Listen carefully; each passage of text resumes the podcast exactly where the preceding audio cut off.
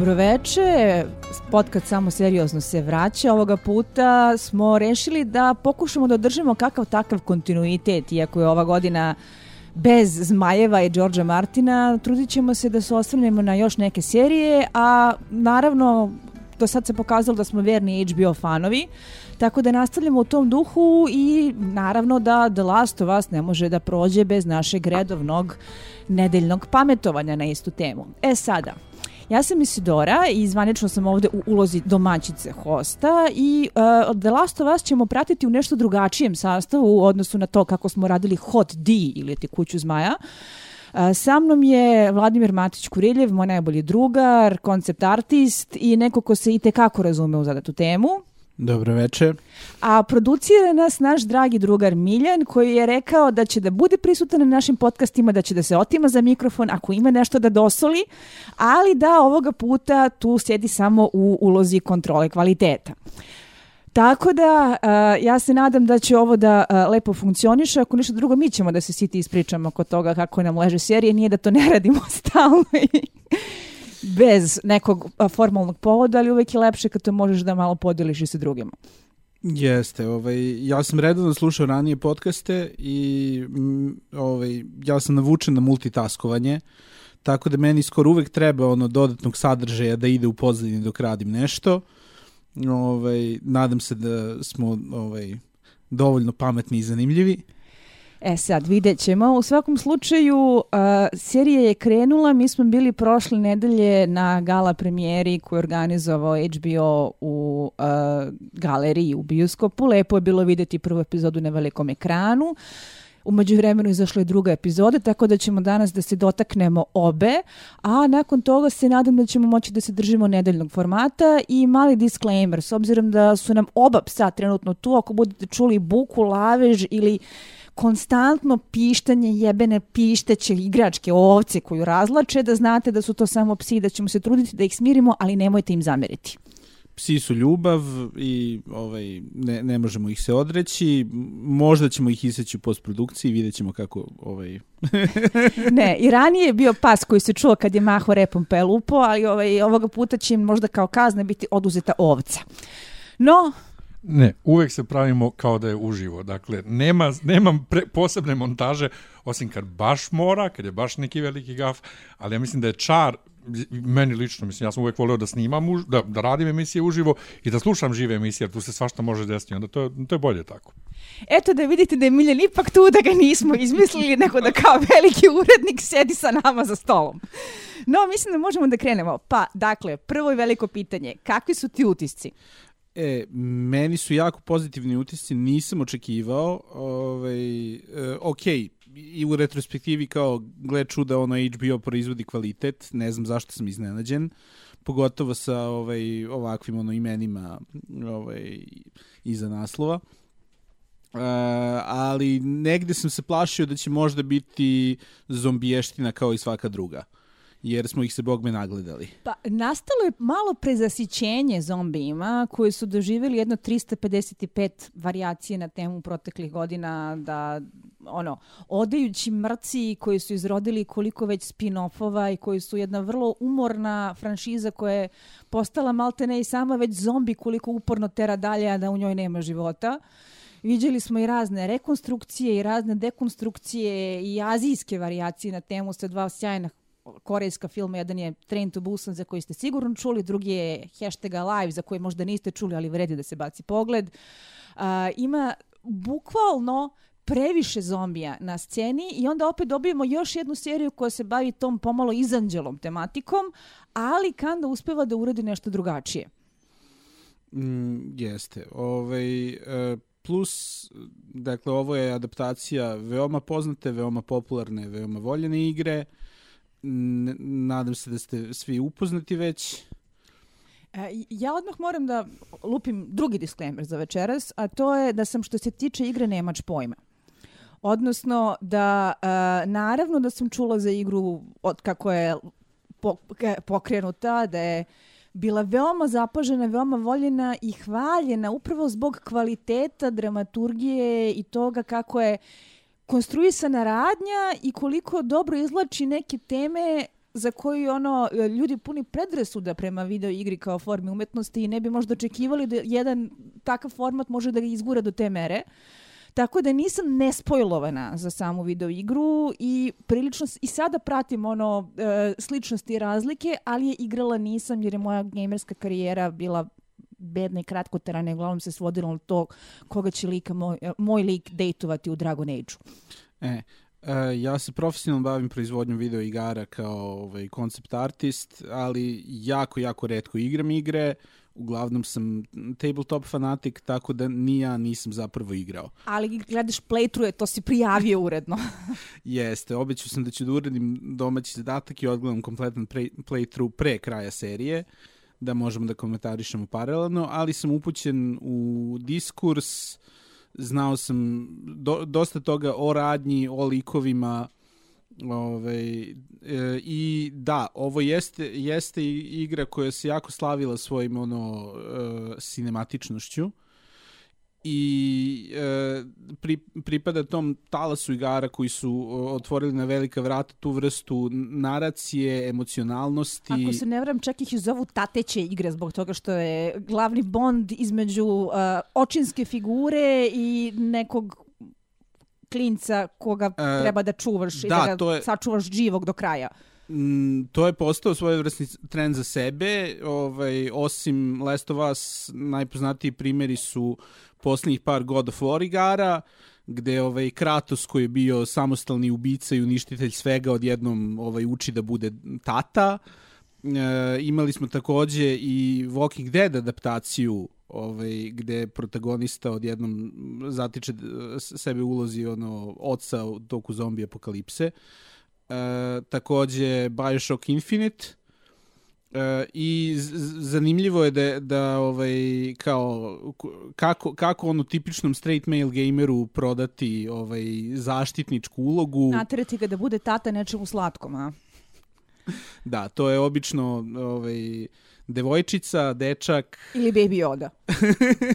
Što nije možda baš najdirektnije poređenje sveta video igara, ali ne može da budeš ne možeš da ne pomeneš to poređenje kada je u pitanju Pedro Pascal, ali osvrnut ćemo se na njega. Izvoli, Miljane.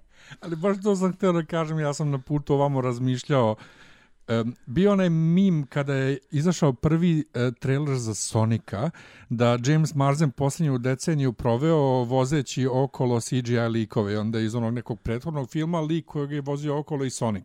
I sad razmišljam, evo te Pedro Pascal će postati typecast za lika koji mora da bude suroga, surogat otac nečemu što vodi kroz neku pustoš i spašava ga. Pa mislim, uh, što se Paskala tiče, ja zaista mislim da je u pitanju čovek koji se najviše ovaj dio od Gemotrona.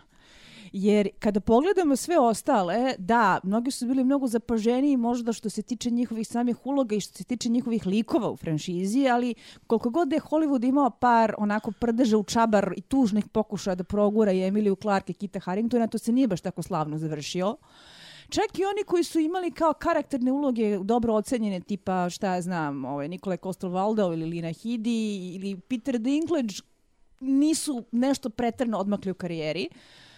Možda Gwendolyn Christie ovaj, je tu prošlo solidno, iako je ona uglavnom osuđena na upečatljive epizode u velikim projektima, a Pedro Pascal eh, gura razvaljuje.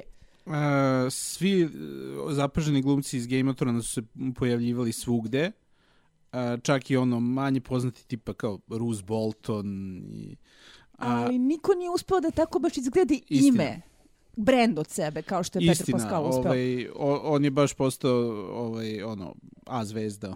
A posebno je e, zanimljivo kada pogledaš koliko sam zapravo malo pojavljiva u seriji, samo u jednoj sezoni, ne čak ni u svim epizodama, kao epizodna uloga, a uspeo je da se prvo ono uh, etablira u Narkosu, gde je apsolutno fantastičan i gde opet babysituje pomahnitolog mlađeg Amerikanca.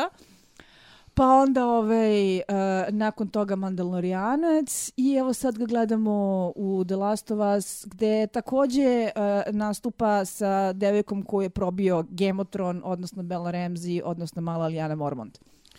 E, e, inače, pre neko večer smo ga se setili i kako je branio kineski zid od vanzemaljaca. Jeste sa Metom Damonom, bila je ta uloga. Kad je jedno, jedno vreme igra uloge gde a, a, to je baš neposredno of Thrones pre nego što je krenuo sa ovom A produkcijom. Ja sam imala utisak da je igrao sve uloge koje je trebalo da igra Antonio Banderas ili mnogo mator baš taj neki profil type castinga. Ali dobro, uh, dobili smo uh, njih dvoje kao opet HBO zvezde iz Game of Thrones, dobili smo još jednu veliku HBO zvezdu, a to je Craig Mazin koji je radio uh, Černobilj.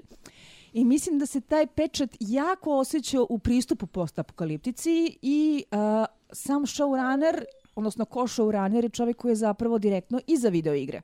E, tako je. E, takođe, o, osim nas, preporučujem da slušate i zvanični HBO podcast, koji možete naći na svim ovaj, e, mestima gde se slušaju podcasti, uključujući i, i ono YouTube.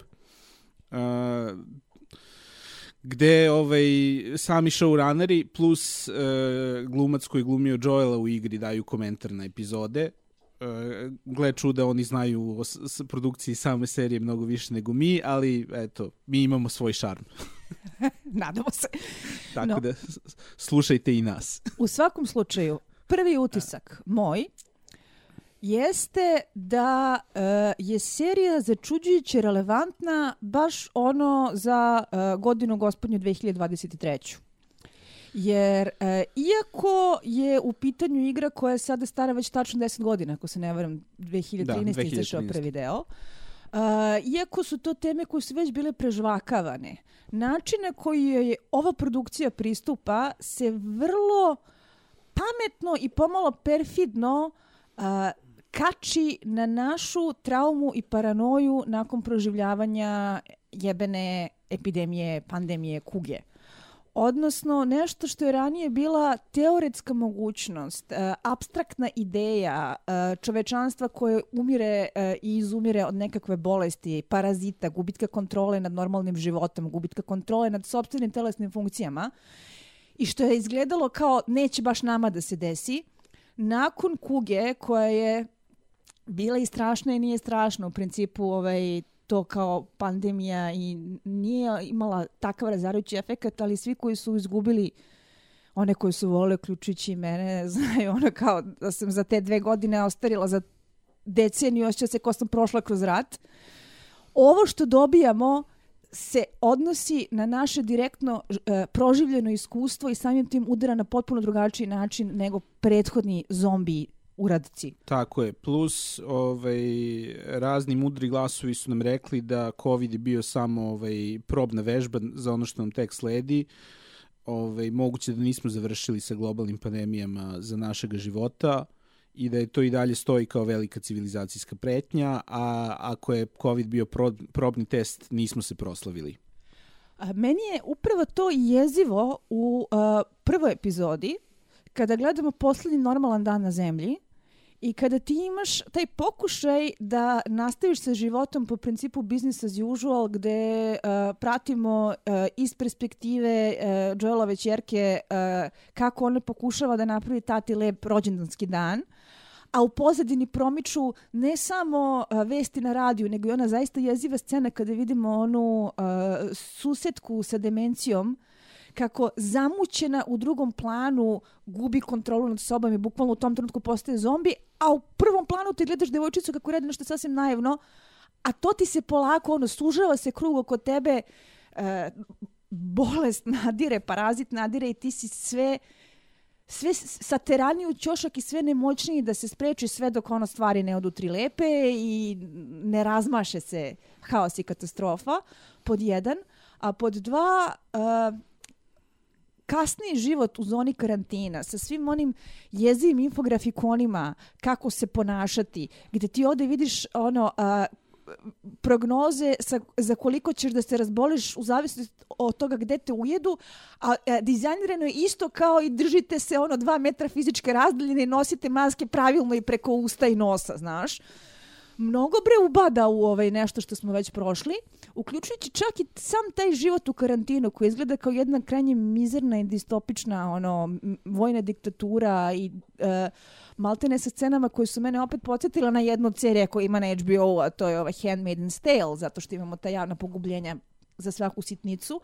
Ali na drugoj strani, znaš, kad se čovjek sjeti kako smo imali mi tre, ono, treniranje strogoće u prvim danima karantina, dok nismo rešili da batalimo sve mere i da se pravimo da se ništa ne dešava. I kad čovjek gleda šta se dešavalo u Kini, dok i oni nisu napustili zero covid politiku, sa onim zatvaranjem građanima u kuće i e, robotskim psima koji idu ulicom i emituju poruke da se mora ući u... Da, to sve zvuči. znači, vrlo ti je jasno da kao opet i to društvo koje deluje vrlo mračno i distopično i postapokaliptično ti je na tri koraka od toga. Da. Ove, inače, e, film koji sam ja gledao pre COVID-a, ali kažu da je mnogo, mnogo jeziviji posle, je Shin Godzilla pošto se sam narativ filma pra, uh, prati upravo vladu koja uh, nesposobno reaguje u krizi, ovaj, a to je nešto što smo svi na celom svetu imali prilike da gledamo. Ovaj, ne usuđujem se ponovo, ovaj, opet da ga ponovo pogledam, ali ono, hrabrima preporučujem jer zaista je odličan film. A, to je Shin Godzilla koji je radio čovjek koji radio Evangelion, tako je, tako? Hideaki Anno. Uh, i koji je uh, svoju depresiju lečio Evangelijonom, a svoju frustraciju društvom i lečio Shin Godzilla. Tako da vam to otprilike govori sve što treba da znate o tome kakav je ton Shin Godzilla. A, pa, a, za razliku od američke Godzilla koje pokušava da priču o džinovskom čudovištu koje ovaj, ruši, ruši čitav grad, svede na ono porodicu i to da, da li će... Američka ovaj, obsesija nuklearna porodica i sve ostalo. Tako je, da li će se pomiriti razvedeni mama i tata i ovaj, da, da li će ovaj Godzilla da, da zgazi sirotu baku koja prelazi ulicu. Ovde priča ostaje na nivou čitavog društva i to jeste priča koju japansko društvo želi da ispriča samo o sebi, tako da jeste priča i o ovaj, e, sposobnim ljudima koji se pojavljuju u krizi, dolaze na položaje, preuzimaju odgovornost i rešavaju stvar. A, Ali... Ja se isto sećam onog viralnog australijskog videoklipa sa početke pandemije koji je dosta dobro rezimirao naš odgovor na isto, a mislim da se može u nekoj meri reflektovati na ovo što smo videli ovde, a to je ona legendarna rečenica total fucking panic, dead people and bullshit. E pa, da. Inače, uh, izgleda je Craig Mazin rešio da nam priredi još raznih flashbackova, ovaj, za razliku od igre koja se strogo drži perspektive karaktera, ovaj, ali dobro, nećemo, nećemo još da trčimo u drugu epizodu. Možda bi trebalo zapravo da upravo i počnemo od scene koja je najviše prodrmala javnost i koja se baš najviše i nadovezuje na naše proživljeno iskustvo ovaj, i preživljenu traumu uh, pandemije. E, jer taj cold opening za prvu epizodu koji je napisan ekskluzivno za, za seriju, znači koji nije direktno preuzet iz igre, je uh, baš onako jebote bog jer ste morali ovo da mi uradite. Uh, imamo Johna Hanu koji je jedan fantastičan glumac duge karijere i koji se pojavljuje u jako efektnoj cameo ulozi uh, profesora koji je, kako se to kaže? Za, za, za, Mikolog. Mikolog, e, hvala.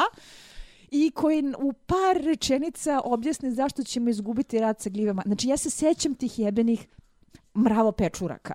Ja znam o čemu se radi. Malo, malo pa onako iskoče neki ono sponzorisani e, e, tekstovi na newsfeedu o najjezivijim parazitima koji postoje i naravno da te stave tog nesrećnog mrava sa tim e, pipcima od pečuraka koji mu onako vire iz glavice koji tako ide, ide baulja. I užasno je jezivo, jezivo na jedan neverovatno grozno organski način. I znam da je ranije bilo kao jebote šta bi bilo ako bi to napalo ljude, ma nema šanse. E sad, kad ti se to tako servira, a nakon što znaš kako pandemija možda pođe napako, bude ono kao, e, nosite se. Da, gljive su beskreno fascinantne. Ove, ja sam e, živeo u kući u jednom trenutku sa tečom koji je tartufar Ove, ovaj, I jedan ono, mojih uticenih profesora iz srednje škole je Bane Uzelac koji nama predavao sociologiju, inače je predsednik ovaj, udruženja Gljivara Srbije. I kako je on nama ispričao, nakon što se 20 godina bavite ljudima, gljive vam postanu mnogo zanimljive. I mogu to da shvatim. Znači, ja se sjećam isto tako i raznih klipova koje sam vidjela koji objašnjavaju koliko su gljive jedinstvene kao organizam i sve ono što se ovdje javlja kao zapravo dosta dobro upotrebljen element zašto su naši zombi drugačiji, odnosno ako se stave, stane na gljivu u jednom kraju uh, grada, to osjeti gljiva na 25. kraju grada, pa probudi zombije, to je nešto što pečurke u realnom svijetu i tekako uh, uh, znaju da urade. Evo nam se Miljan javlja za reč. E, ste gledali Star Trek Discovery?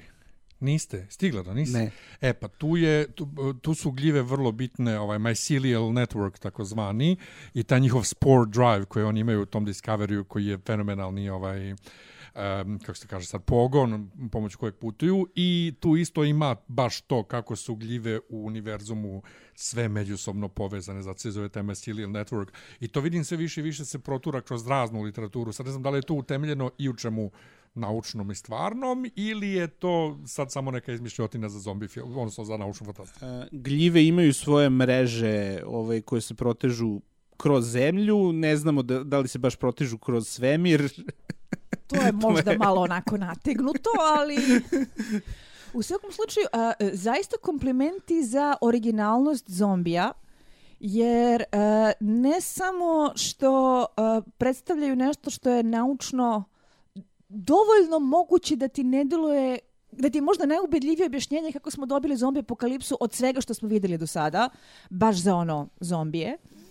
Uh, ima jednu estetsku komponentu koja je jako interesantna, koju ranije nismo viđali. O tome ćemo malo kasnije da govorimo kada se budemo osvrtali na drugu epizodu i na fenomenalna dizajnerska rešenja, ali uh, da, gljivo zombiji su nešto što je onako priličan novitet i moram samo nešto da kažem, a to je Uh, nakon sveže pogledane druge epizode danas, koja i tekako zadire u biologiju gljivo zombija, uh, pravila sam kinesku hranu za ručak i seckala sam šitake za chop suey. Šitake nisu kao šampinjoni koji imaju onako lepe ma, bele klobuke i onako su lepo pravili, nego su šitake tekako kvrgave gljivaste gljive. I kad sam zanila nož, onu sunđerastu tvorevinu, onako organsku, ne da mi nije bilo sve jedno, ne da je bilo kao, jer sam morala baš ovo da kuvam danas, srećem bilo ukusno. Ja se sećam kad smo jeli onu primordijalnu supu sa crnim i belim gljivama.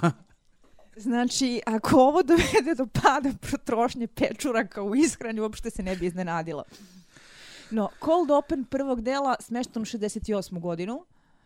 Uh, fun fact, trivija za koju ne znam da li je namerna ili nije, ali sam je konstatovala. 68. je, osim što je to bila jedna ovako vrlo burna politička godina za razvoj u svetu, izašao i prvi pravi savremeni moderni zombi film, a to je onaj crno-beli Night of the Living Dead. Romerov, naravno. Romerov koji je, uh, kad se gleda danas, i dalje zapanjujuće svež u pristupu, i, i dalje ima onaj fantastičan twist kraj plus uh, prvu veliku ulogu za crnog glumca glavnu ulogu u filmu koji se uopšte nije ni doticao rase i rasizma kao teme. Ali te kako je, ti, ti kaže sve što treba da znaš na tu temu, a da nijednom ne pomene. Tako da, da je, ne znam da je namjerno ili nije, ali sam baš onako, zato mi je upao datum u Mislim da je, kao i taj kraj filma, ispalo slučajno, ali ima, ima jako smisla i simbolike. Da. A, dobro. E, ništa, idemo, idemo onda dalje na ovaj intro sekvencu sa Sarom. E, e, ako se ne varam, u igri to pređeš iz njene perspektive, je li tako? Da, da. E, je, dosta je kraće, ali ovaj, dakle, dešava se samo u u kući uveče i onda ona vožnja kolima to, koja je takođe kraća i sve to jako lepo dato kroz ovaj polu interaktivne sekvence. Izvinjam se, ovo pas maš repom. Ali ovde su baš na, na pravi način to proširili, ovaj, što reče sve ono blurovanim zombijem koji, koji ne vidimo I tu dolazimo do toga da kao uh, postavilo se negde, negde pitanje kao da li ova adaptacija ima smisla ako je već igra toliko ubedljiva sama po sebi i toliko filmična. I ako su već išli na adaptaciju jedan na jedan, da sam ja gledala poređenje pojedinih kadrova iz ka scena iz igre i to što je snimljeno da je izgledalo bukvalno kao copy-paste, identično. Ali obzirom da je ovde ovaj, sam Neil Druckmann uh, učestvovao u adaptaciji i ovaj, vidi se da su imali jako ideje kako mogu da sve da doprinesu priči. Ovaj, da preuzmu sve što je dobro iz igre, ali ovaj, da se prilagode formi TV serije, dakle da nisu vezani samo za viewpoint eh, pojedinih karaktera, da mogu da imaju flashbackove, flash forwarde i ovaj, prirodan tempo epizoda koje počinju i završavaju se. Ta prva epizoda je zapravo trebalo da bude u dva dela, je li tako? Jeste. Prvobitna namera je bila da završi epizodu ovaj, sa, sa onim detetom ovaj, ko, koje moraju nesretno da ostreli i da spale. Meni to dete inače e, je možda najveći upliv direktne Černobi estetike. Pričam Černobilju kao seriji koji je onako uh, uspeo da te jedan grimdark, doom and gloom izvede na nivo samršenstva uh, sa stvarima koje su takve da ti se od njih prevrće stomak, a opet ih predstavlja kao, nažalost, neizbežne i uh, nešto što je neophodno da se uradi, tako da je taj ta cela scena sa detetom i to spaljivanje mrtvih baš mi onako ove ličilo kao da, ovaj čovjek radi Černobil i to se mnogo vidi. Jeste, po njihovoj autorskoj tezi to su smisli kako da najefikasnije prikažu kako se Joel promenio za tih 20 godina ovaj, kako je on na izgled skroz oguglao, jer ovaj, od scene sa mrtvom čerkom stižemo do toga kako je njemu najmanji problem da baci mrtvo dete u, va, u vatru od svih prisutnih ali shvatili su da ne, da ne mogu da završe epizodu tako, ovaj, jer priča počinje kada Joel upozna Ellie. Uh, da se vratimo još malo na Saru, kako ti se ona dopala? Uh, sjajne. Uh, devojčica je čerka Tandive Newton, da, i mnogo liči na majku i vrlo verovatno je lepa karijera pred njom kao još jedna ova, hollywoodska nepo baby. Ali je uh, jako je šarmantna, uh, jako se vežu za nju, iako, uh, mislim, ne možeš da ne budeš spojlovan kada ulaziš u celu priču, znaš, zna se da Sara umire ovaj, na kraju. Onako, nije mi bilo sve jedno. Naravno da nije.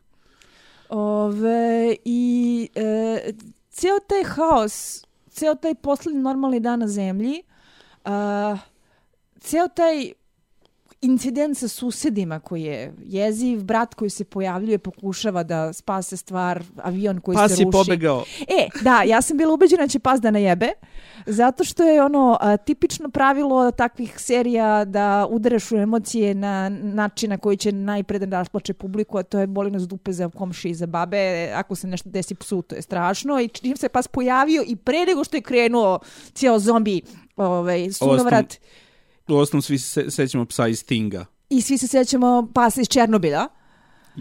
To takođe. ja sam bila u fuzonu, oh fuck, ajmo sad da se mentalno pripremimo i da će pas da zgine, međutim pas je pobegao. E, e, moja sreća je što sam gledao Černobilj pre nego što sam imao svog psa.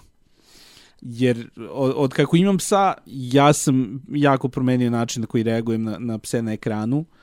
Uh, Eh, prva serija koju sam gledao sa psom je bila uh, eh, HBO Pacific i kada sam vidio psa među rovovima, meni je srce stalo kao, ne psu, šta ti radiš ovde? Ja sam rekla, ja sam jedan od najvernijih posjetitelja sajta koje se zove Does the Dog Die, gde se uredno nabraja da li pas preživi do kraja i tu uopšte mi nije sramote da to priznam, tako da to što je ovde u ovakvoj seriji pas pobegao je mala, ali bitna pobeda. Pa meni nije pobjeda zato što mala je šansa da je preživio. Ja sam bio jako besan kad smo sedeli u bioskopu što oni nisu psa poveli sa sobom. Što su oni psa ostavili. Meni je to bilo toliko užas, a zahvaljujući tebi i tom sajtu, znači ja sam saznao za taj sajt, ja isto stalno provjeram, ja nemam psa, ja imam mačku, ja sam mačkar, ali ja ne mogu životinje koje pate. Stephen King ima, jel te običaj da te navuče da zavoliš lika, pa ti ubije lika, ubije nego psa. I sad posljednja knjiga Fairy Tale, deč, dečak nasleđuje psa koji je jako bolestan i ide u svijet bajki u kojoj može da spasi psa. A u tom svijetu bajki su sve neki demoni nešto. Ja sam sve vreme kad, kad sam, kad sam nastavio da čitam knjigu, ovaj, pošto sam imao neku pauzu, ja sam sve vreme samo čitao i čekao da pas preživi, da on psa spasi. Šta će se desiti sa dečakom? Meni je bilo potpuno nebitno. Neka dečak i ubre ako hoće, iako piše knjigu u prvom licu, ovaj, samo da pas preživi. Znači, toliko ne mogu patnju životinja da gledam na ono kao užas. Ja sam bio užasno besan što su psa ostavili nisu ga poveli sa sobom. E, meni je samo laknulo na čak i da je pobegao na ovakav način, jer ovako ne moram da znam što je sa njim bilo dalje. Da su ga poveli sa sobom, ko zna kako bismo traumu onda morali da gledamo. A ovako pas izašao iz priče, živ, zdrav i čitav i to je to. Što se tiče uh, Sare, ja moram da kažem da, njena, da sam očekivala da će smrt da bude mnogo stereotipnija za zombi filmove, a to je da će ona nekako da završi inficirana ujedena, pa da će morati Joel da je ubije, zato što je to najčešće tropa koja se koristi da bi se dodatno natovarila trauma na protagonistu. Da, ima, ima čitav onaj Schwarzeneggerov film koji niko nije gledao na tu temu. Ove, ali e, to da je nju ubio e, vojnik, kog inače igra Craig Mazin, ne znam li ste znali za Ne. tu triviju. Da, to je njegov cameo u e, seriji. A e, čula sam in, da će da se svi voice aktori iz serije pojave u nekoj ulozi. Već smo videli e, Marlene, jel se tako zove lik? Da. Jeste, dobro, nisam napravila budalo od sebe, uh, koju igre njena voice aktorka iz glasovna glumica iz igre, a i Joel i Ellie treba da se pojave u nekom trenutku kao sporedni likovi. No u svakom slučaju, Craig Mazin kao vojnik ubija Saru na pravdi Boga zato što su takva karantinska pravila, što je možda čak i negdje traumatičnije, ne znam, nisam pametna. Jer neko ko treba da te spasi, zaštiti, te tako otpiše kao neko ko je expendable, kao ono, e, možeš se žrtvovati za opšte dobro jer takva su vremena jebiga. I to preko noći. I to preko noći, bukvalno. Uh, kad sam komentarisala epizodu sa drugoricom iz Amerike, rekla mi je da su oni imali još jednu dodatnu dimenziju svemu tome, a to je uh, da ta scena direktno ide u uh, trenutni američki strah od uh, figura, od autoriteta u uniformi s oružjem. Mm. I da se i to i tu malo muze. Tako da imamo jednu veselu, abstraktnu, naučno-fantastičnu seriju sa zombijima koja nam najstrašnije naše realne strahove eksploatiše. Pa, kao i svi dobri horori. Kao i svi dobri horori. Kad imamo 20 godina kasnije i paralelni univerzum 2023. Je, Kakav uzdah. a, ja jako volim ovaj urbani raspad. Ovaj ono e, setimo se današnjeg Černobilja. A, apropo, jel možda sad pravi trenutak da se Možda, to kaže? E, ko nas sluša, znači svo petoro, e, mala molba za vas. E, ukucajte u Google Maul cosplay, Maul kao Darth Maul, znači piše se Maul, e, The Last of Us Chernobyl. E, čovjek u pitanju je poznati nemački cosplayer koji je pre pet godina imao projekat da zapravo ode u zabranjenu zonu Černobila i da tu uradi fantastičan photoshoot za The Last of Us. On cosplayuje Joela u jako ubedljivom izdanju, zato što to nije samo ono pustio sam bradu i obukao sam košulju, nego je ima gotovo filmsku šminku koja potpuno oživljava taj dizajn iz videoigre ali sama atmosfera Černobila koji izgleda bukvalno kao ovaj postapokaliptični Boston sa uh, rastinjem, sa mahovinom, sa tim jednim jako uh, organskim momentom da priroda ono preuzima stvari nazad, zaista izgleda kao nešto iz video igre i zaista izgleda kao nešto što gledamo sada u seriji. Znači, fantastičan projekat, on ga je koristio za podizanje nivoa svesti u samom Černobilju, jer svaka fotografija je praćena detaljnom pričom gde se to nalazi, šta je tu bilo, kako to sada izgleda, kako uh, žive životinje koje su još uvek tamo, kako izgleda ta priroda, šta se desilo sa ljudima, tako da je to edukativna strana projekta. Da, to je to je dok je Černobil još uvijek bio lepa turistička destinacija. A ne sada. Ali u kombinaciji znači da imamo i e, Mazina kao autora Černobil serije, mislim da je to onako jedan vrlo zanimljiv sklop slučajnosti koji se skockao. Obavezno pogledajte, znači fantastičan artistički cosplay projekat čoveka koji je jebo kevo kako je odradio. Jeste, sjajan je. A, ali dobro. U prvoj epizodi, nažalost, nema, nema toliko tog ovaj, e, divnog urbanog raspada, to tek kreće u drugoj epizodi kada oni zapravo izađu van zone karantina. Um, imamo zato ovaj, vojnu dikta- diktaturu. Koja je opet neprijatno ubedljiva. Uh, inače, šta je, šta je zanimljivo? Za ovih deset godina priča o igri, pogotovo se aktivno pričalo nedavno kada je izašao drugi deo, ovaj, e, osim glavnih likova, jedino što sam ja znao je da postoje ovaj, gljivični zombiji. Da, Ali te, tačno. ovaj, Te sporedne likove niko nije pominjao. ne, ne samo sporedne likove, nego, nego tu priču ovaj pokret otpora protiv vojne diktature.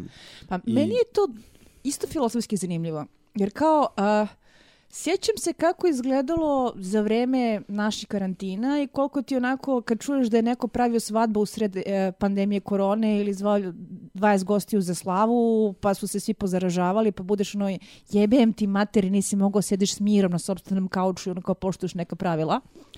Ali je neprijatno lako pod A vidjeti kako se iz takvog poštovanja pravila i sklizne u vojnu diktaturu koja ti zabranjuje sve građanske slobode u ime zaštite tvog zdravlja.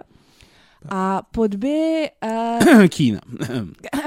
znamo da su ti razni buntovnici protivu a, sistema kod nas bili uglavnom razni teoretičari zavere, antimaskeri, antivakseri i ostali. Kao, da li je to ta ekipa rebela za koju treba da nabavlja, navijamo ili kako to zapravo funkcioniše? Da, vidjet ćemo ovaj, u daljem razvoju serije. Uh, verujem da će autor imati svašta ovaj, zanimljivo da kaže E, na temu. I verujem da neće moći da se ne osvrnu na, na savremeni da. ugao. E, pogotovo ako budu davali još ovaj, zanimljivih flashbackova, kako smo došli do ovde gde smo došli, što verujem da hoće. Upoznajemo Tess kao sjajna Ana Thor koju ja znam pre svega iz Mindhuntera, uh, koja je tu kao jedan od relativno voljenih likova iz videoigre za koju isto nisam znala dok se nije pojavila, pa sam onda videla milijarni, jedan ono kao think piece zašto je Ana Thor fantastična kao Tess.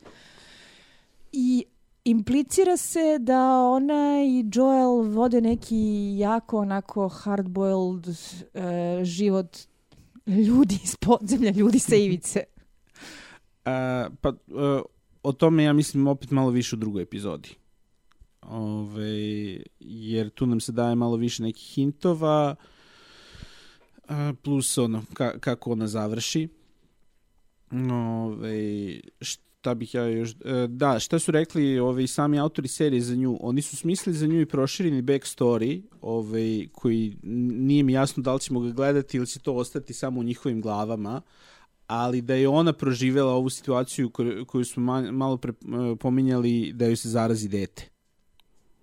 Ove, gde, ka, ove, tako da i ona vuče svoje ovaj, roditeljske Teške traume i komplekse. komplekse, da, to se onda daje dodatni sloj projektovanja na Eli.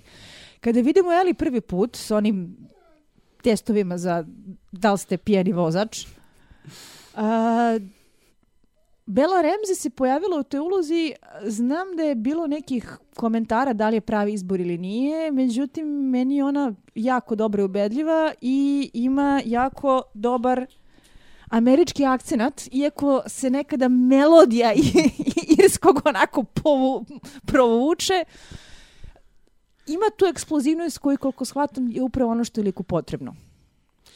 Zanimljiv izbor svakako. Ovaj, e, Mislim, ja i dalje pamtimo na njen fenomenalni uvod kao male Lijane Mormont kada ovaj Jeste. presere i Snežnog Jovicu i Sansu i isproziva ih i za ratove i za kralja na severu i za sve što je njena kuća žrtvovala i traži Bog zna kakvo obećanje i garancije, čast, čojstvo, junaštvo, ne bili se uh, Mormontovi ovaj, priključili, koliko imate vojnika, veše 32.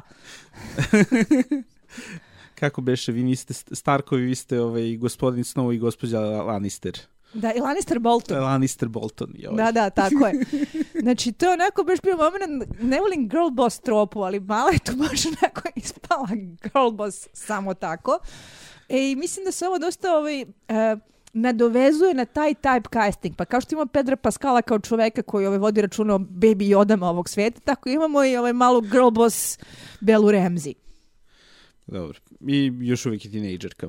Još uvek je tinejdžerka, tako je. Da. Nije, nije često gledati prave tinejdžere u... Koji igraju tinejdžere. Da. Ove, ono što se takvim glumcima često dešava je da igra, onda igraju tinejdžere po 10 godina. Kao Saoirse Ronan. E, I Logan Lerman i ovaj, e, bila, je- bila je i ova e, ja, ja mislim da je druga glumica koja je bila u konkurenciji za ulogu upravo jedna od tih. E, ne mogu sad da se setim imena, ali E, glumi u Justifiedu, Short Term 12 i, ovaj, i, i tako, glumi tinejdžerku sve do danas. A, Setit ću se posle ko je.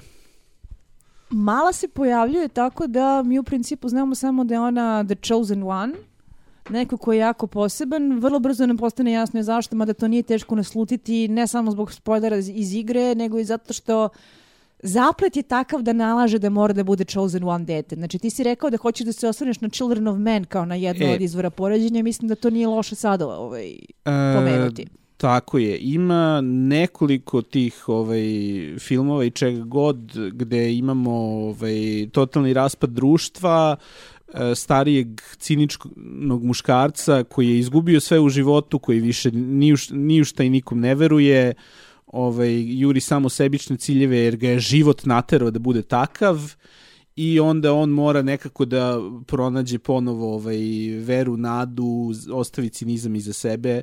I nauči da bude bolja osoba i da ljubav i sila koja spasava sve. Što je tema koju nije loše imati na umu zbog Ej, toga što kako je pa- pristupao. E, mislim, na, najbolji primjer takvih filmova je Children of Men. E, Alfonso Cuarona iz 2006. godine, koji je m, prošao poluzapaženo kad je izašao, ali kako vreme prolazi, taj film postaje ovaj, sve ubedljiviji i sve relevantniji.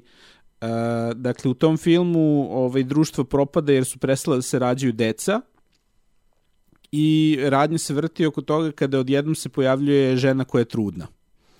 A naš ovaj, junak je isto tako neki ovaj, e, mufljuz probisvet koji dobija zadatak da nju krijumčari od tačke A do tačke B, dok okolo se dešava op, opšti kolaps društva, ovaj, građanski rat u najavi e, i raz, ra, sukobi raznih interesnih grupa oko njih. Gde ovaj, e, sama poruka je više neka ono kao nada da, da ono ne smemo potpuno odustati od svega ovaj, i ne, ne pruža nikakve konkretne odgovore, ali kao mora, moramo istrajati i boriti se. A moj omiljeni primer je Logan, ovaj, koji je trebalo da bude pos, e, poslednja uloga X-mena za Hugh Jackmana Naglasak i na Patricka trebalo. naglasak na trebalo, jer superheroje će musti dok je I Hugh Jackman, ja mislim da će na kraju da ga ovaj deep fake-uju kada ovaj ga više ne bude bilo da može da igra. ne, e, p- e, beše nedavno su najavili da će se vratiti iz, Jeste da u će da se Deadpoolu, vrati u Deadpoolu, tako je. a Patrick Stewart je već imao cameo u ovaj, Jeste, tako MCU. da nikad ne reci nikad i ništa nije poslednji put. Da, to je trebalo da bude njihov swan song i Ali jebi ga. ali jebi ga, ali meni, meni taj film daje e, ono, toliko ubedljivu tezu kao propali smo i ovaj, failovali smo kao ljudi i kao komunisti i poručujemo mlađoj generaciji kao, e, vi morate da vadite ovaj svet iz govana i morate da budete bolji od nas i morate da vadite naše fleke, ali ne umemo da vam kažemo kako. Što je onako zastrašujuće poruku u fazonu. Zastrali smo i sad na vama je da popravite, ali se snađite kako znate i umete. Pa tako je. Tako je, da, ali da, tako je. Da, e, dobro je da se ovo nadovezuje na to e, i tematski i u suštini čak i stilski sa tim nekim postapokaliptičnim rješenjima kao, kao Pa, priča. Tako je, ovde, ovde imamo isto Joela koji, ovaj, videli smo ga kako je Savo ogrezao u cinizam, uh, ko zna šta je on radio za ovih 20 godina. Ništa dobro kako se, onako, ne baš subtilno mis, sugeriše. mislim da ćemo nešto saznati, da nešto i nećemo, jer neke stvari ovaj, uvek su gore kad ih samo zamišljaš. Vrlo očigledno da nije ništa dobro. Da. A, ovaj, a sad on mora ponovo da pronađe ovaj, ljubav u sebi. Jej. A, u svakom slučaju ništa. A, verovatno je jako dobra scena koja zaokružuje celu prvu epizodu. A, upravo a, direktan citat a, momenta kako Sara umire sa uniformisanim licem sa oružjem koji preti devojčici za, koju, za čiju bezbednost je Elte Joel zadužen. I sad naravno to nije njegova čerka i naravno to je neko dete koje on video prvi put pre pola sata. Tako da smo daleko od bilo kakvih emotivnih investicija koje će kasnije biti glavna tema serije. Ali je njegova reakcija tu onako bila prilično mm, pala roletna na oči, Pa, ubio ono. čoveka golim rukama, Traumatični flashback. polomio I, šaku koliko ga je tuko. a, ali, Izvini, ali to nije pri tome bilo koji uniformisani čovjek. To je, pod navodnicima, drugar s kojim je sarađivao, s kojim je bio vrlo friendly. Znaš, onako, baš je super šok.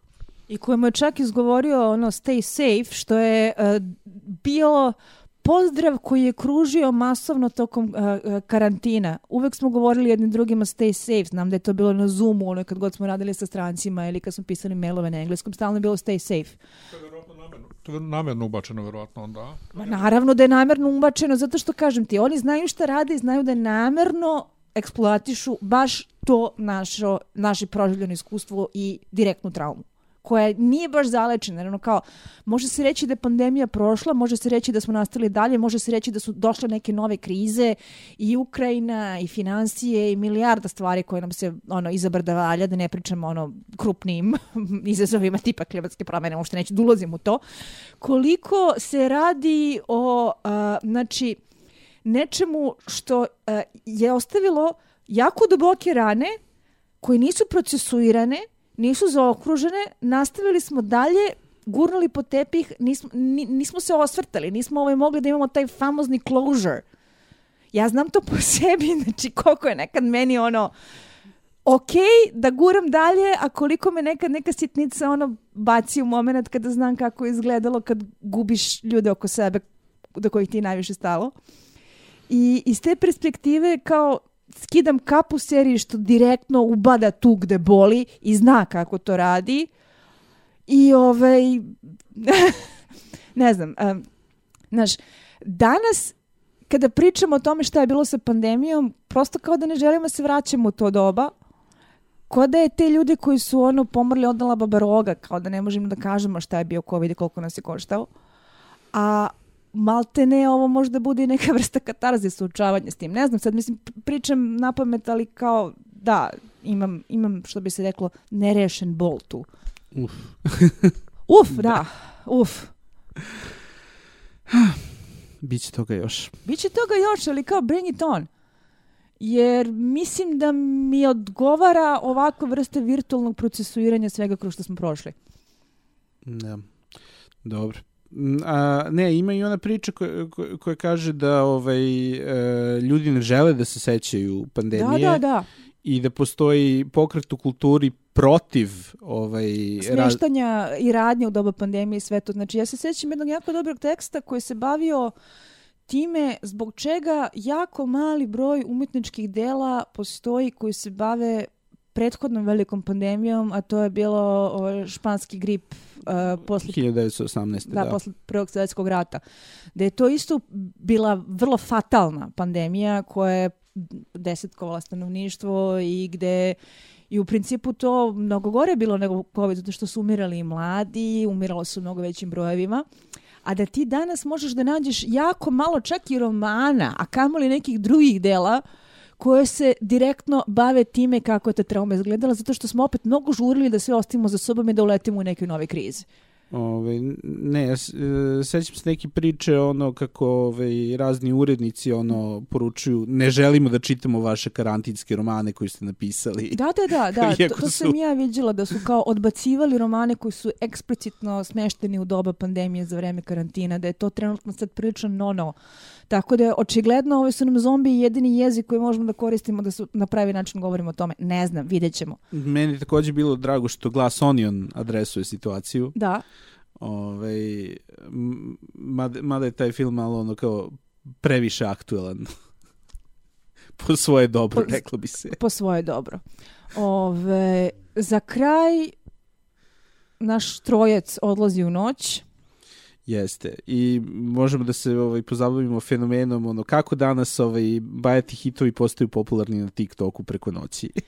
A Boga mi je bila baš dobra ona scena sa Depeche Modom, znači kad je krenulo, ja sam bila fazonu kao to, od svih mojih ono, omiljenih bendova rane mladosti i a, dana provedenih a, na a, KST-ovim Depeche Mode žurkama, ovo me prilično ubolo u uh, omiljene uh, zone nostalgije i kažu da je ono što je Stranger Things uradio za Kate Bush i za Metallicu, uh, The Last of Us uradio za Depeche Mode. Čak i kad odete na njihov zvanični YouTube kanal, na YouTube-u, znači Depeche Mode, zvanični YouTube kanal i potražite uh, pesmu, pesma stoji sa sveže dodatim uh, uh, u zagradi uh, as heard on the first episode of The Last of Us. Jeste. Ovaj, pa, e, siroti muzičari, ovaj, ono, teško im je ovaj, u digitalno doba kada je sve na streamingu i nema više ovaj, prodaje ploča. A, ono, do, do juče su se dovijali ta, tako što se ulaguju ovaj, raznim algoritmima, a sada očigledno ovaj, će e, razni tako preko noći da eksplodiraju na TikToku i to će biti ono, njihovih ponovnih 15 minuta slave. Ali u pitanju su uglavnom veliki hitovi iz davnih vremena. Znači to nisu neki ono indie artisti koji su izvukli iz naftalina, nego stvari koje su žarile i palile kad su bile aktuelne i koje današnja generacija prosto nije imala da čuje jer nema toliko naviku da sluša radio i uglavnom mi se Spotify vrti oko ono, carefully curated lista koje algoritam nabada u tri koraka e, iznad i ispod njihovog trenutnog muzičkog ukusa. Tako da to što ponovo izlače ovu vrstu hitčina, zaboravljenih, zaboravljenih po znacima navoda, Uh, predstavlja onako prilično zanimljiv moment za revitalizaciju muzike. Imaš nešto da odeš, Miljane?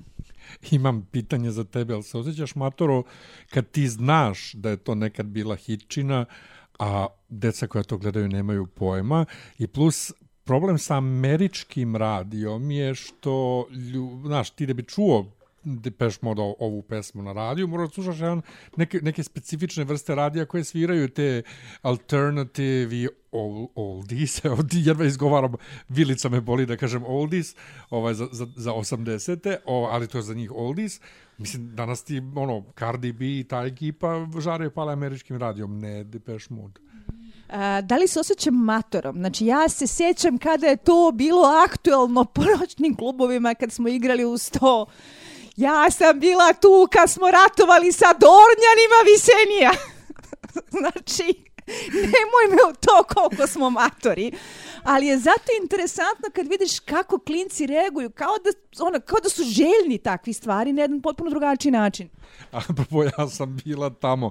Najjače meni je e, iskustvo i replika u poslednjih e, godinu i pol kako studiram sa decom koja su 2002. godište. Kažem jednom klincu s kojim sam baš dobar, on je 2002. godište, tako je. E, radili smo iz nekog predmeta Goodbye Lenin film. I ja kažem, e, ja sam to gledao 2003. u bioskopu kad je izašlo. On kaže, ti si gledao uživo i par berlinskog zida.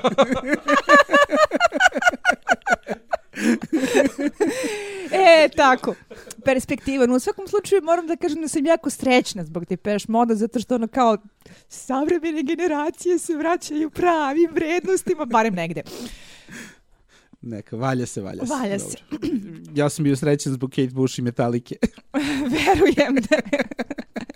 A znaš, ja sam sad ono u fazonu. Sjeća se kad smo išli na hodočašće do Budimpešte da ih slušamo uživo za vreme sankcija. Tako da, to mu da. tu negde dođe. Da, ne, meni je ovaj, Stranger Things sam prestao da gledam posle prve sezone i onda kako je krenula prva polovina četvrte sezone, kao da li ću da gledam ovaj celu sezonu zbog Kate Bush jedne pesme? Da. N ne, ali zbog dve pesme da. Dobro, u svakom slučaju to je bio vrlo bombastičan način da se završi taj pilot koji je trajao ono sat i 20 minuta. Zapravo kad smo gledali u bioskopu i delovao je kao ono filmsko iskustvo u potpunosti. I danas smo odgledali i drugu epizodu koja opet počinje istom formulom, flashback na to kako izgledalo kad je počela pandemija, odnosno, mislim, pandemija nije dobar izraz, da je to ono opšte zaražavanje. Kolaps, zvaćemo kolaps. ga kolaps. Zvaćemo ga kolaps. Zombi apokalipsa, da. Uh, I uh, priča o to kako je to izgledalo u Indoneziji. Uh. Craig Mazin je Craig Mazinovao. Jeste. Ovaj, Imamo opet doktorku koja je jako podsjeća na doktorku iz Černobilja. Kako, e, kako je on sam rekao, ja volim te ovaj, priče o ono, malim odnosima koji se stvaraju među ljudima i ovde imamo doktorku i vojnika koji, Koji su eto je- upoznali tog dana. Ali on jako poštuje njeno mišljenje. Znači, na, ja sam očekivala da će možda da bude onako vojska koja pokušava zavede neku e, disciplinu ili bilo šta. Međutim, od trenutka kada je rekao onoj, e, drugoj naučnici kao nemoj ništa da joj kažeš, neka vidi sama, bilo je jasno da je žena dovedena tu kao najveći ekspert koga su oni mogli da nađu i da će poštovati to što kaže. A, scena sa lešom je jeziva. E, možda je to baš komentar serije na to kakva je američka vojska i policija i kako oni imaju ta pravila, znaš, ono kao zavodi se red kad je, kad je neka kriza i vojska preuzima first shoot and then ask questions, a ovde su malo civilizovaniji. Oni nju kad odvedu, znaš da u kolima, ona kaže sam ja nešto zgrešila, ne, ne, ne, gospođo, sve je super, vi nama trebate kao stručnjak. Dakle, vrlo civilizovana, kulturna vojska, policija, šta je već onaj. Ovaj, mislim da je to komentar e, na, na opet na američko društvo. Ne, ja mislim da je po, poenta bila upravo suprotna, ovaj, da mi treba ovaj, u početku da se plašimo. Zato što ovaj, imamo predrasude prema tome šta se dešava kada Azijati svetu. u trećem svetu dođe po osobu, da, da. A da bi se na kraju ispostavilo da su oni nju tretirali sa najvećim mogućim pošta, poštovanjem i uvažavanjem njene naučničke karijere. To je to, ali to je upravo zapravo komentar serije na naše očekivanja od Azije, a Da. kako je zapravo, a zapravo Amerikanci su divljaci, mislim, ono, kao, jasno. Svi su divljaci. Svi su... A, a, a, meni je... A, znaš koji mi je najneziviji trenutak bio tu? Ne možda čak ni onaj otvoreni body horror kada zadiže ugriženu kožu pa se ispod vide samo ono ukrštene spore pipci. Ne, ni, ja se samo izvinjam, oduzet ću vam ovcu. Oduzet ću vam ovcu, nema pištanja. Izvinite. A, ne, ni moment kada se pipci pojave prvi put, kada ono izađu iz usta i krenu da m- mile da pokušavaju da uđu u naučnicu, nego kada ona sedne da pije čaj i tresio se ruka. Da. Znači, da, tu shvatiš da je ono vrag odneo šalu i da nema tu selameta. Ha, ovaj, pri čemu ono, svak, svaka njoj čast što je toliko brzo shvatila. A, to se opet nadovezuje, mislim, i na a, prvi cold open, na to koliko je a, naučnik koga je igrao John Hanna bio 100% siguran da tu bitku gubimo. Mhm. Da nema borbe sa a, pečurkama jednom kada se a, rašire, kad čuje da je 14 ljudi, pa još i fabrika žita. Mislim da se u prvoj epizode provlači da je neko zaraženo žito isto bilo faktor. Ove, e, bukvalno bude ono kao pali bombardu i uništavaj, nema dalje. Ja. I jako je onako neprijatno, relatable, apokaliptično.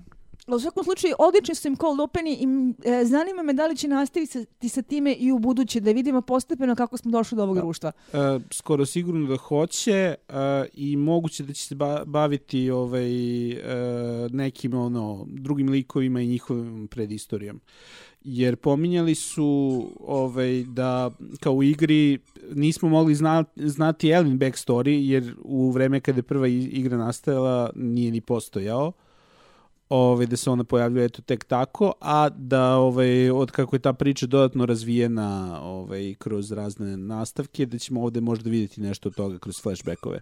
U svakom slučaju bit će jako zanimljivo. I sad, većina druge epizode su u suštini baš fokusirane na world building.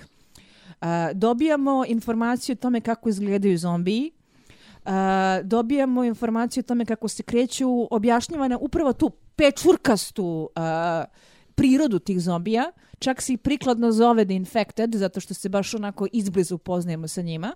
Uh, I vizuelno, ja mislim da su ovde divljali. Znači, već smo se osvrtali na uh, urbani raspad i na postapokaliptičnu e, estetiku a, prirode koja proždire sve što je preostalo, ali ako me pitaš gde otišao budžet, a da je otišao u ono svaka im čast. Jeste, jako je lepo, ovaj, pogotovo sunce, kako se koristi kroz celu epizodu, počeo od onog otvaranja seli, koje je u onom ovaj, divnom mahovinastom krevetu ovaj, u sred ruševine, e, pa do ono, zalaska na kraju epizode.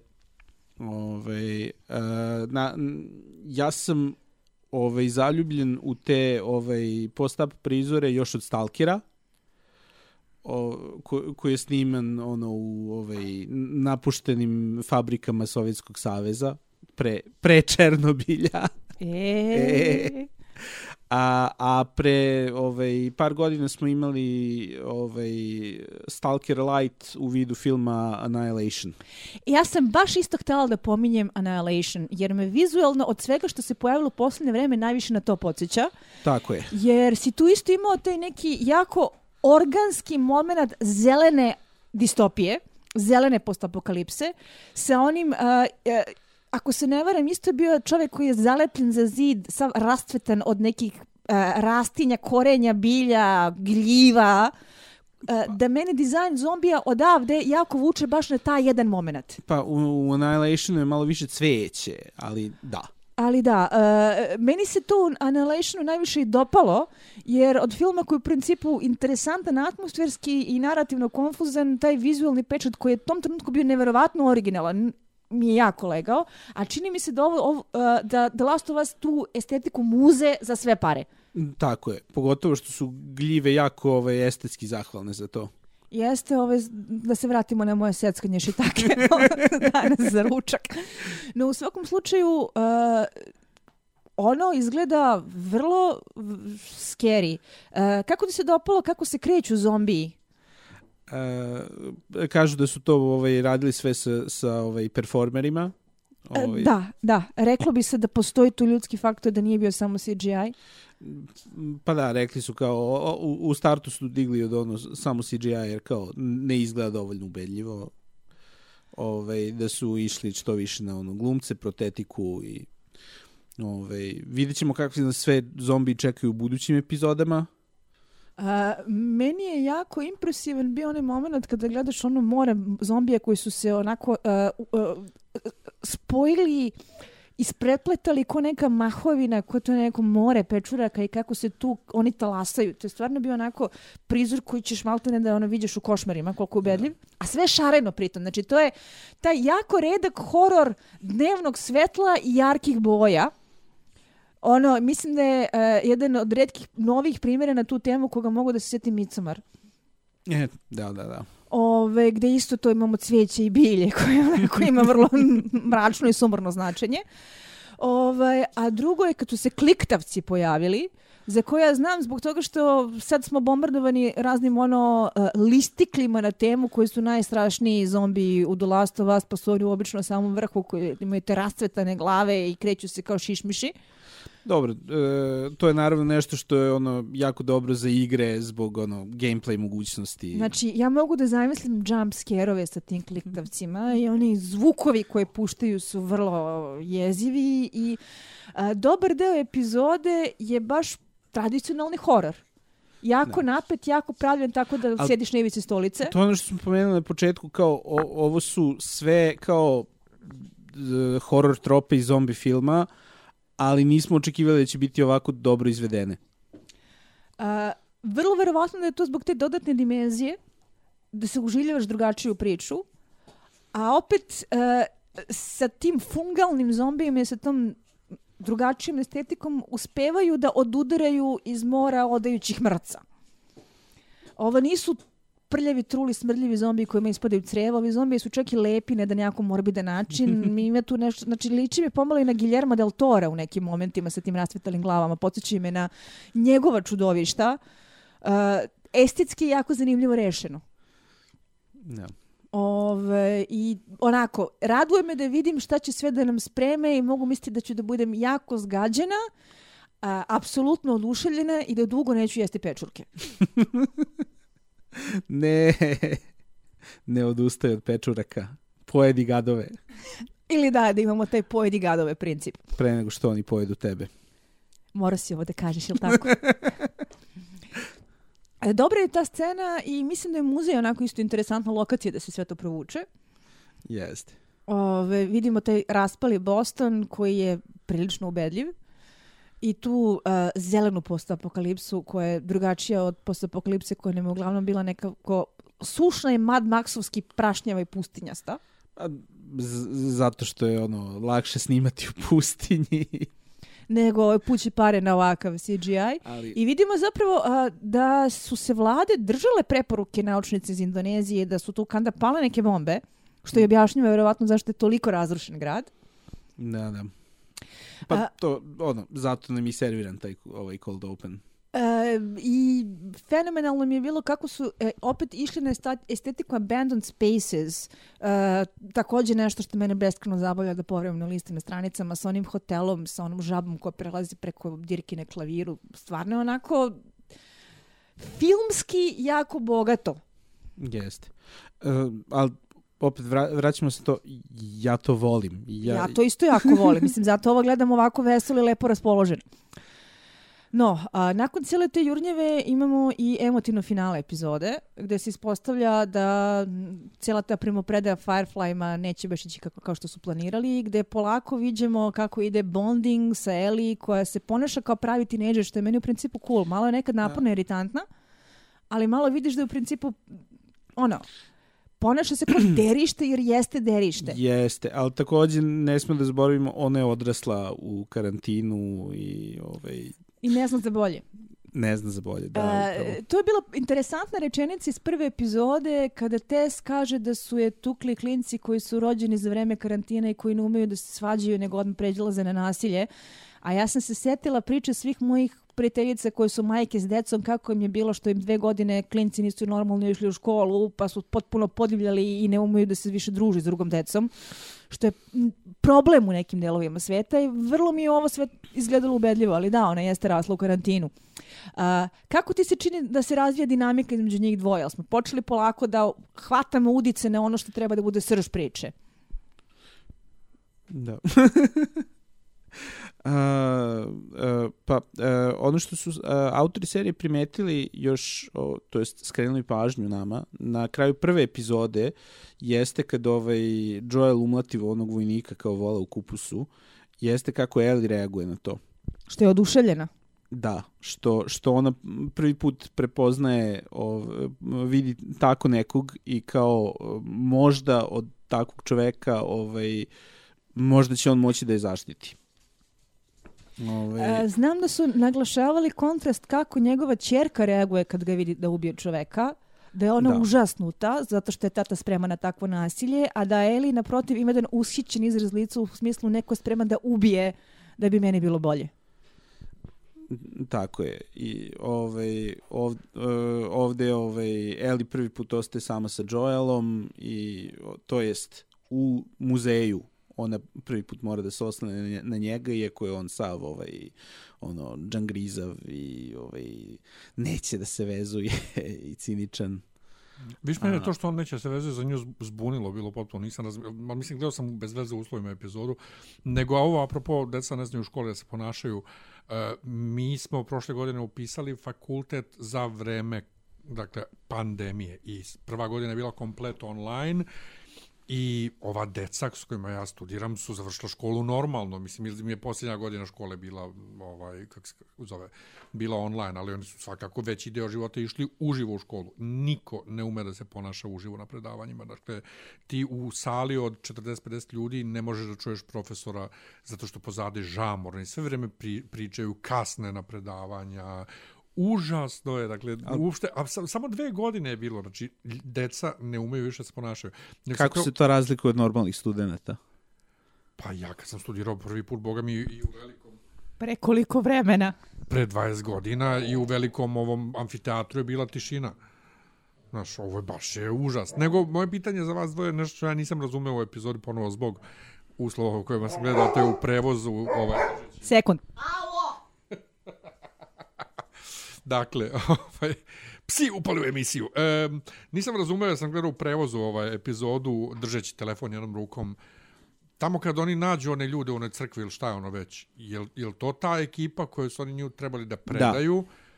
Da, A ja to je sam mislio da oni moraju mnogo dalje da putuju do tih ljudi da bi nju predali. Ja sam mislio da su ti ljudi negde daleko. Ono. Ne, oni su u prvoj epizodi rekli kao stićemo tamo za par sati.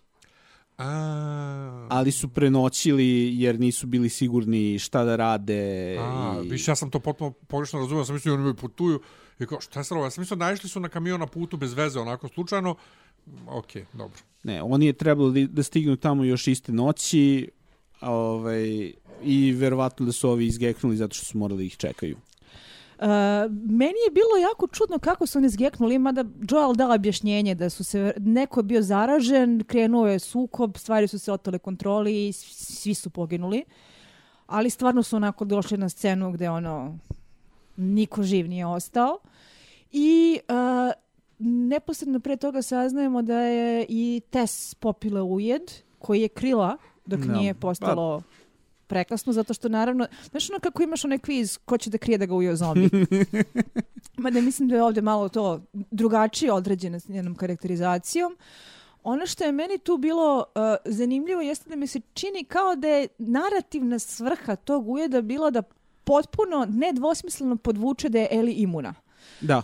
U smislu da mi vidimo da su njih dve ujedine otprilike u isto vreme. Kod Tess je to već krenulo da se ozbiljno širi. Jeste. Te, Tesu je poverovala, a sada ovaj, smo videli i mi kao publika da je ona imuna, još samo Joel Pa video je i Joel onog sekunda kada je mogao da ih direktno uporedi zašto je Tess morala ove da, da žrtvuje svoj život. I kraj jeste onako dosta katarzičan kada ona kao neko ko je delovao jako hladan i proračunat i pragmatičan kako je postavljena do tada e, ima vrlo emotivnu molbu za Joela da kao ako je i sve sranje, ako smo imali tolike nade za leg da bi se na kraju ispostavilo da od toga ništa, ajde da pokušamo ovaj jed, jedan put, Pa- ajde da vidimo da li možda uspe, kao odvedi je tamo gde treba da bude ono, ali nju očigledno muče gresi iz prošlosti i kao nada se nekom iskupljenju za to. gde se vraćamo na to da će biti interesantno da dobijemo te flashbackove. Ja ne znam da li je Ana Torva angažovana za još neku epizodu ili nije, to bi možda bilo zanimljivo pogledati na IMDb-u. Uh, u svakom slučaju, vola bih da bude, zato što je ona odlična glumica, uvijek mi je drago da mogu da je gledam. Ove, ali uh, ovako kako Tess odlazi jeste ono The Last Stand, malo se mi zasuzilo čak. Ove, mada vraćamo se na zombi gljivaste pipke. I onaj vrlo mljak moment za koji ne Ej. mogu da odredim da li im baš nije trebao I zombi se vole. ili je bio veličanstven. Jer je toliko morbidno da kao, brate, I zombi se vole između sebe. E, da. Ove, e, bilo je malo napeto, mada je bilo očigledno da je to veštačka tenzija, da će na kraju da je uspe da ih sve digne u vazduh, ali onaj poljubac smrti je bio baš poljubac smrti jebo i bog, opet još jedan prizor koji ću da sanjam. Ali odlazak u velikom stilu, završavamo ovoga puta bez hita, nakon jedne akcione zobe, epizode koja je služila za world building i za postavku likova i Ja s- idemo dalje. Ja sam samo iznervirao što nisu ovaj, ušli u kamion. Pa pazi, prekinuto je na dobrom mestu, epizode imala ono kao normalno trajanje što se minutaže tiče u proseku za ono što HBO najčešće nudi. Nismo imali opet sat i po Da. i nismo imali one Stranger Things epizode koje, koliko je maksimalna bila nešto, tipa dva i po sata ili tako nešto. I mislim da je ovo sasvim solidna postavka da vidim kuda će dalje da nas vodi priča. Ove, ja ću za sledeći put, dakle, da prestignem sa praćenjem playthrougha, da mogu napred da komentarišem ovaj, kako se razlikuje od igre. A, ja sam samo negdje videla da je Tesina smrt drugačija nego u igri, da je ovo mnogo a, onako pompeznije, teatralnije i filmičnije, što i ima smisla, jer zapravo pravimo TV A. seriju koja treba da malkici ide na spektakl ako može da bude ubedljivo. Pa u igri, Jel ima karte u, u seriji? na, naravno da nema, Ne, a, svi cold openi koje smo do sad imali su a, rađeni ekskluzivno za seriju. Da, igra prati samo ove protagoniste i njihovu perspektivu uh, i ono gde se razlikuju prve epizode je dakle nema ovog prekida ovaj novi dan i lepo sunce, nego se nastavlja akcijna sekvenca u kontinuitetu, njih i dalje juri Fedra, ali se završava slično tako što ovaj Tess ostaje da ih zadrži, a njih dvoje odlaze dalje. Dobro, pozdravili smo se sa Tess, uh, uspostavila se dinamika Mandalorijana i uh, Baby Ode. Uh, Pedro Pascal je definitivni omiljeni tata interneta. a, Bella Ramsey se etablira kao a, glumica u usponu i to nam je to do sledeće nedelje. Hvala što ste nas slušali. Hvala što ste nas slušali, hvala Miljane što si e, nam producirao podcast i što se pojavljuješ tu da progovoriš po koju ključnu rečenicu kad zatreba, a mi se slušamo sledeće nedelje kada ćemo da diseciramo i treću epizodu The Last of Us. Ćao! Ćao!